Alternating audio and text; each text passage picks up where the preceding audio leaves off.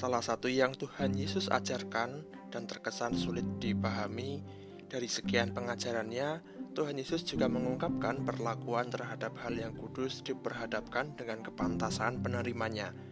Matius 7 ayat 6 Jangan kamu memberikan barang yang kudus kepada anjing dan jangan kamu melemparkan mutiaramu kepada babi supaya jangan diinjak-injaknya dengan kakinya lalu ia berbalik mengoyak kamu.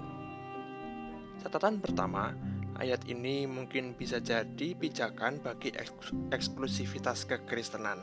Sekilas semangatnya seperti orang-orang Yahudi yang tertutup pada waktu itu yang mengharuskan setiap orang untuk sunat dan patut patuh kepada Taurat dan hukum peraturan turunannya. Tetapi hal tersebut dihindari sejak gereja mula-mula hingga saat ini.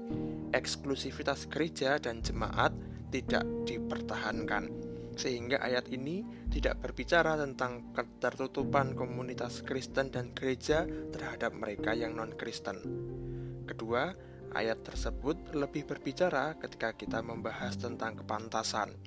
Memang orang-orang Kristen harus mempersaksikan Injil dan kabar sukacita atau berita baik kepada dunia, kepada setiap orang.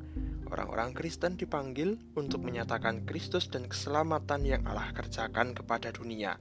Tetapi pada praktiknya, ada kesulitan terjadi. Berbagai respon ditujukan kepada gereja dan kekristenan. Banyak yang bersahabat, bahkan ada yang membuka diri untuk menerima Kristus, tetapi ada juga yang sebaliknya. Mereka begitu keras menolak Kristus dan dengan terbuka memberikan perlawanan dan kebencian pada pengikut Kristus. Kepada mereka tindakan pragmatis untuk tidak memberitakan, untuk tidak melanjutkan pemberitaan kudus tentang keselamatan itu menjadi pilihan. Ketiga, sejalan dengan hal kedua tadi, ayat tersebut adalah kritikan Tuhan Yesus kepada orang-orang Yahudi yang begitu keras menolak Yesus. Kepada mereka, pemberitaan tentang karya Allah yang kudus bisa menjadi begitu sia-sia karena begitu kerasnya hati mereka yang menolak Yesus.